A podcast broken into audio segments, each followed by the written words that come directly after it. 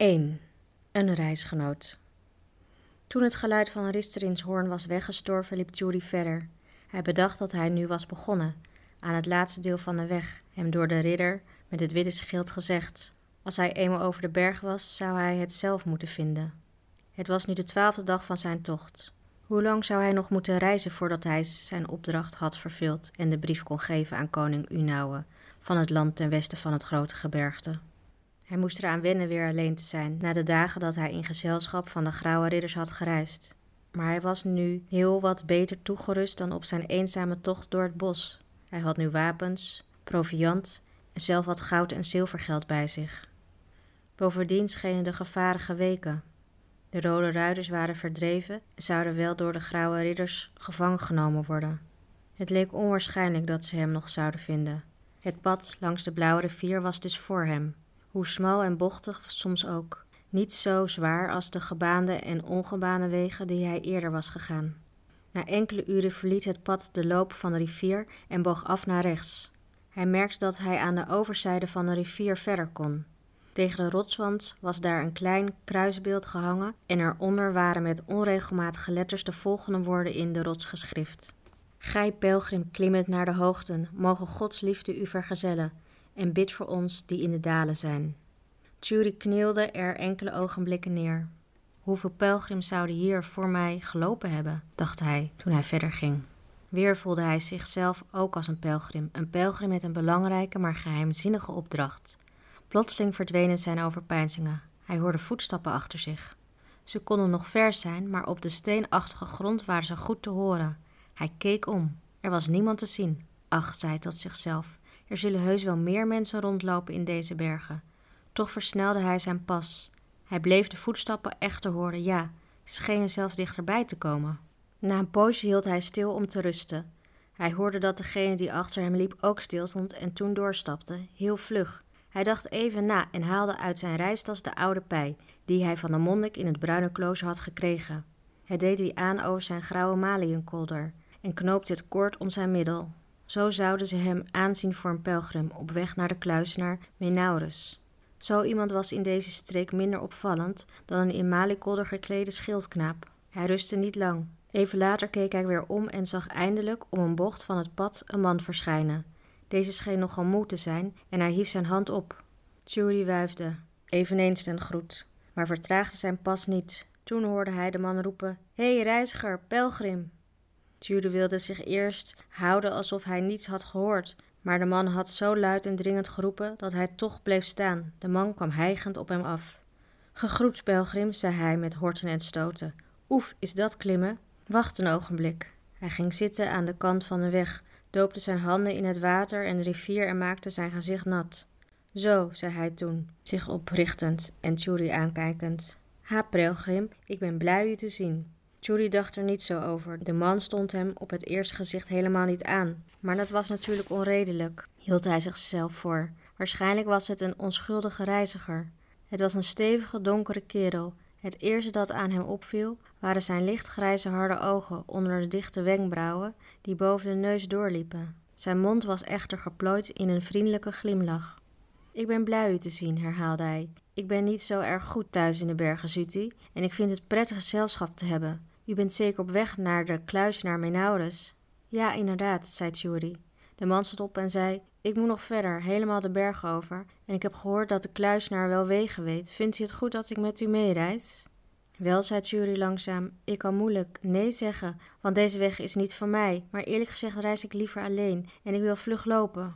Oh, neem me niet kwalijk, zei de man. Ik wil me niet aan u opdringen. Denk dat vooral niet, waarde pelgrim. Inderdaad reist men vlugger als men alleen is en we zijn niet op de wereld om elkaar te helpen. Hij draaide zich om en begon langzaam het pad weer af te dalen. Toen schaamde Tjuri zich over zijn gebrek aan behulpzaamheid. Hé hey beste man, riep hij, terwijl hij de man achterna liep. Kom terug, zo meende ik het niet. Alsjeblieft, kom terug. De man liep enkele stappen door en bleef toen staan. Ik wil me echt niet opdringen, zei hij nogmaals. Overgeet mijn woorden, zei Judy met een kleur. Natuurlijk kunt u met mij meereizen. De ander liet zich niet bidden. Wel, als u het me vraagt, zei hij. Ja, ik vraag het u, zei Jury. Het spijt me dat ik zo onvriendelijk was. Ach, ik begrijp het wel, sprak de man, nu met hem meelopend. Een pelgrim wil graag inkeren tot zichzelf. Heet dat zo niet? En pijns over hogere dingen. Ik beloof u dat ik u geen last zal bezorgen. Hij keek Jury met een glimlach aan, maar zijn ogen lachten niet. Die namen hem zeer scherp en onderzoekend op. De jongeling kreeg het gevoel dat die blik door zijn pij heen drong, de maliënkolder eronder zag, ja, en zocht naar wat daaronder verborgen was. Onzin, zei hij boos tot zichzelf. Hij schaamde zich nog steeds over zijn gedrag en ergerde zich aan zijn wantrouwen. Hij haatte plotseling de brief, die maakte dat hij in ieder mens een vijand begon te zien. Ridder Risterendin had hem gewaarschuwd voor spionnen in de gedaante van onschuldige uitziende personen. Moest hij daarom een verzoek om hulp afwijzen en ieder gezelschap ontvluchten? Toen drong het tot hem door dat zijn onverwachte reisgenoot tot hem sprak. Vergeef mij, wat zei u? vroeg hij. Ik zei hoe ik heette, antwoordde de man. Jaro is mijn naam, Jaro zo van Janos. Ik kom uit het dal daar. Tjuri begreep dat hij zich ook voor moest stellen, maar hij kon zijn eigen naam niet zeggen, evenmin de naam Tarmin, die waarschijnlijk aan de vijand bekend was. Dus noemde hij zich maar als een der monniken van het bruine klooster. Ik heet Martijn, zei hij. Ah, broeder Martijn, herhaalde Jaro. Of bent u geen monnik? Ik heb de gelofte nog niet afgelegd, zei Tjuri. O juist, zei Jaro. Ze zwegen beiden een poosje. Tjuri liep wat langzamer dan eerst, maar merkte gauw dat Jaro hem gemakkelijk bijhield. Hij stapte dus weer wat steviger door, al zei hij tegen Jaro dat die hem moest waarschuwen als het te vlug ging. Oh, het gaat best hoor, zei Jaro. Ik ben nog niet zo oud. Het is alleen dat ik nooit in de bergen kom. Ik hou er niet van. Maar nu ga ik mijn zoon opzoeken, die aan de overkant van de bergen woont. Vijf jaar geleden ging hij weg. Hij zei goedendag en klom naar boven. Sindsdien heb ik hem niet gezien. Vijf jaar is een lange tijd. Nu ben ik eindelijk op pad gegaan om hem nog eens te zien. Ik wilde niet wachten tot ik te oud en te stram zou zijn om zo'n eind te klimmen en te dalen. Misschien blijf ik wel bij hem.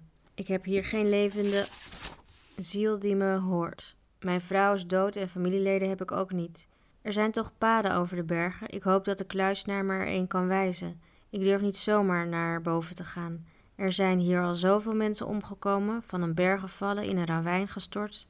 Zo praatte Jaro door en Tjuri knikte nu en dan of gaf een kort antwoord. Nee, maar, zei Jaro tenslotte, nu praat ik toch te veel. Had het me toch gezegd, pelgrim, ik wil u niet hinderen. Oh, u hindert me helemaal niet, zei Tjuri met een glimlach, die hij niet meende al hield hij zich steeds voor dat hij er geen enkele reden toe had. Hij mocht zijn reisgenoot niet. Laat in de middag kwamen ze bij een plek waar een inham in een rotswand was. Jaro stelde voor daar te blijven en te overnachten. Tjuri stemde toe. Jaro legde vrolijk pratend een vuurtje aan en hij moest en zou zijn proviand met Tjuri delen. Zo, zei hij, toen ze gegeten hadden. En nu maar gaan slapen, vindt u niet? Morgen is er nog veel te klimmen. Weet u hoe ver het nog is naar de kluizenarshut? Ik denk dat we er morgen voor de avond wel zullen zijn, antwoordde Jury. Hij had van Ristrendin en heer Ravox gehoord dat de hut van Menaurus ongeveer anderhalve dag reizen van de kleine blauwe stroom verwijderd was. Dat valt wel mee, zuchtte Jaro, terwijl hij ging liggen en zich in zijn mantel wikkelde. Nu, slaap wel, pelgrim, gedenk mij in uw gebeden. Jury sliep echter helemaal niet wel. Eerst bleef hij wachten tot hij hoorde dat Jaro's ademhaling langzaam en regelmatig werd, maar ook toen kon hij zich niet ontspannen. Bovendien begon zijn arm, waar hij de hele dag nauwelijks aan had gedacht, weer pijn te doen. Hij draaide onrustig heen en weer, tot hij merkte dat Jaro zich bewoog. Toen lag hij weer stil en probeerde met zijn ogen vergeefs de duisternis te doorboren. Was Jaro wakker? Keek hij naar hem met zijn harde, doorbedringende ogen? Jaro bewoog zich nog eens en zuchtte, maar hij zei niets. Judy staarde naar boven, naar de vele sterren en de fijne maansikkel. Waar zal ik zijn als de maan vol is? vroeg hij zich af. Eindelijk viel hij in een lichte slaap, telkens wakker schrikkend, om te luisteren en te voelen naar de brief op zijn borst. Er gebeurde niets, maar de volgende morgen stond hij vermoeid en slaperig op. Jaro daarentegen was opgewekt en spraakzaam. Hij prees de mooie morgen, het goede weer, het schone landschap. Julie kon het haast niet verdragen. Ik wilde dat hij zijn mond dicht hield, dacht hij geërgerd. Ik wou dat hij niet zo vaak lachte. Zijn ogen lachen nooit. Toen ze eenmaal op pad waren, verdween deze prikkelbare stemming. Het weer was inderdaad mooi en de vergezichten eveneens. Zelfs Jaro scheen tenslotte zo kwaad nog niet. Op een ogenblik verdween de rivier in een nauwe kloof, waar geen pad meer liep. Hoe nu, zei Jaro, we kunnen het toch niet door het water gaan waden? En ik meen te horen dat de rivier verderop als een waterval neerkomt. Moeten we daar dan tegenop klimmen? Judy had hem verteld dat de weg naar de kluizenaarshut geheel langs de blauwe rivier liep. Nee, zei de jongeling, kijk, daar gaat een pad, links langs de rotswand, naar boven, en ik denk dat we dat moeten nemen. Ik geloof dat het langs de kloof loopt, een heel eind boven de rivier. Ziet u die richel? Ja, zei Jaro. Geen prettig pad lijkt mij, zo smal en met de kloof ernaast. In het hoge bergte zullen nog wel moeilijker paden zijn, antwoordde Judy, of helemaal geen paden. Ze klommen naar boven. Judy had gelijk. Eerst liep het pad heel stel omhoog en daarna voerde het hen langzaam, maar staag stijgend vlak langs de kloof. Ze keken naar beneden. Hoe diep ligt de rivier al, merkte Jaro op.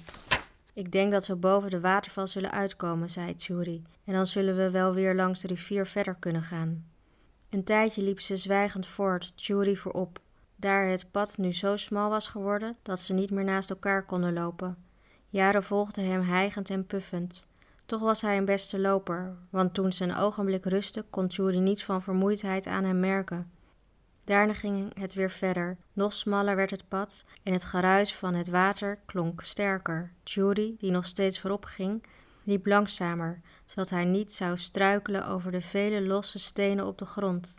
Hij wierp even een blik in de kloof, die gevaarlijk diep was, al was hij zo smal dat je er wel overheen zou kunnen springen.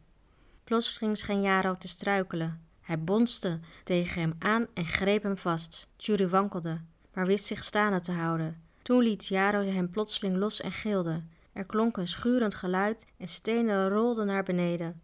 Dit alles speelde zich in een seconde af. Judy draaide zich om en zag net dat Jaro in de kloof verdween. Zijn hart sloeg over van ontzetting en hij stond even als aan de grond genageld. Toen liet hij zich vallen en keek over de rand. Tot zijn grote opluchting en verbazing keek hij recht in Jaro's gezicht. Deze had een tak weten te pakken die niet ver van de rand uit de rotswand stak en hij hing daaraan met beide handen. Maar hij hing in een hachelijke positie. Judy had nog nooit zo'n angst in iemands ogen gezien. Jaren bewoog zijn lippen, maar bracht geen geluid uit. Hou je vast, zei de jongeling, hou je vast, ik zal je helpen. Hij schoof wat naar voren, stak zijn handen uit en greep die van Jaro. Ik zal je naar boven trekken, hijgde hij. Dat, dat hou je niet, stamelde Jaro. Ik ben te zwaar. Nee, zei Judy, het zal wel gaan, het moet gaan. Nee, kreunde Jaro, ik durf niet los te laten. Judy begon te vrezen dat het op deze manier inderdaad niet gaan zou. Jaro was werkelijk zwaar en hij zelf kon zich moeilijk schrap zetten op het smalle, ongelijke pad. Als je nu meehelpt, zei hij, probeer met je voet een steuntje te vinden. Jare probeerde het, zijn voeten schuurden tegen de rots. Nee, zei hij moeilijk, ik krijg geen houvast, het is gedaan met me. Weer zag Judy zijn handen uit en greep Jaro bij zijn polsen. Jaro durfde echter nog steeds de tak niet los te laten, hoewel het duidelijk was dat hij niet lang in deze houding zou kunnen blijven hangen. Touw, dacht Judy koortsachtig. Had ik maar touw. Oh, wacht. Hij knoopte het koord om zijn middel los, maar terwijl hij dat deed, besefte hij dat het ook daarmee een moeilijke zaak bleef. Het touw was kort en leek oud. Stel dat het brak. Ik val, zei Jaro. Nee, zei Judy. Hou vast, hou vol, nog even. Ik vind er wat op. Hij zweeg even. Ik heb het, voegde hij erbij. Hij had plotseling iets gezien. Langs de rotswand aan de overzijde van de kloof liep een richel, een brede richel, ongeveer vijf voet van de bovenrand. Als hij daarop zou gaan staan. Hou vol, zei hij nogmaals, ik kom je helpen. Nu moest hij over de kloof springen en dat kostte even zelfoverwinning. Hij deed zijn pij uit, omdat die hem zou kunnen belemmeren, en sprong. Toen liet hij zich zakken totdat hij op de richel stond. Hij draaide zich om met de rug naar de rotswand en keek naar Jaro tegenover hem. Nog even, zei hij, ik kom. Hij vermeed het naar beneden te kijken toen hij zich met uitgestrekte armen naar voren liet vallen, tot zijn handen de wand tegenover hem raakten. Nu was hij een brug geworden over de kloof. Voorzichtig schoof hij naar Jaro toe.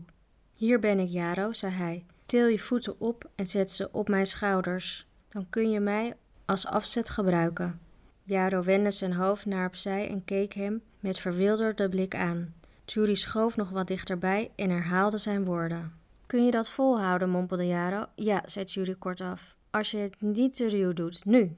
Nu, herhaalde Jaro. Hij zwaaide met zijn benen. De tak waaraan hing kraakte angstwekkend. Toen voelde Judy een voet op zijn schouder en even daarna de andere op zijn arm. Die gleed even weg en werd weer neergezet. Hij moest zijn tanden op elkaar klemmen, want het was net zijn gewonde arm. Het leek een benauwde droom, maar het lukte. Jaro had nu een steun en met veel moeite en gespartel en met veel pijn aan Tjuri's kant hees hij zich naar boven. Nu moet je mij optrekken, zei Tjuri. Maar Jaro was hijgend op het pad neergestegen en scheen zijn woorden niet eens te horen. Voorzichtig, heel voorzichtig kwam Tjuri met hulp van een van zijn benen weer terug in zijn houding op de richel. Hij begreep zelf niet hoe het hem lukte, maar hij wist zich ook nog op te trekken en weer over de kloof te springen. Hij kwam vlak naast Jaro terecht, die nog niet van de inspanning scheen te zijn bekomen. Bevend liet hij zich naast hem neerzakken. Zo zaten ze een poosje zwijgend naast elkander. Tjuri kwam het eerst tot zichzelf. Hij stond op, wat onzeker, en trok zijn pij weer aan. Hij vroeg zich af of Jaro op zijn maliënkolder gelet had. Nee, het scheen niet tot hem te zijn doorgedrongen. Kom, zei hij, terwijl hij het kort weer om zijn middel knoopte. Zullen we verder gaan? Jaro boog zijn hoofd. Nog even, zei hij, bijna onhoorbaar. Judy zou ook nog wel een poosje willen blijven zitten, maar een stem in hem zei dat ze beter hun weg konden vervolgen. Kom, zei hij dus weer, we kunnen straks rusten als we weg zijn van deze kloof. Jaro hield zijn hoofd op en keek hem aan, met die eigenaardige, doordringende ogen. Er lag een uitdrukking op zijn gezicht die Tjuri niet begreep. Je hebt mijn leven gered, zei hij zacht. Judy gaf daar geen antwoord op. Kom op, zei hij. We zullen heel langzaam en voorzichtig lopen. Jaro maakte aanstalten overeind te komen. Je hebt mijn leven gered, zei hij nogmaals iets luider. Wel, had ik je dan moeten laten vallen, antwoordde Tjuri gemaakt luchtig. Het had ook omgekeerd kunnen zijn. Hij zweeg plotseling, want Jaro's blik gaf hem een schok. Deze was nu opgestaan en zei kortaf: Laten we dan gaan. Toen wendde hij zich af en begon langzaam verder te lopen. Judy volgde hem, verwonderd. Hij kon Jaro's laatste blik niet meteen vergeten. Wat had hij daaruit gelezen? Schrik? Verbazing? Dankbaarheid? Nee, één ding bovenal: woede. Of vergiste hij zich? Waarom zou Jaro boos op hem zijn?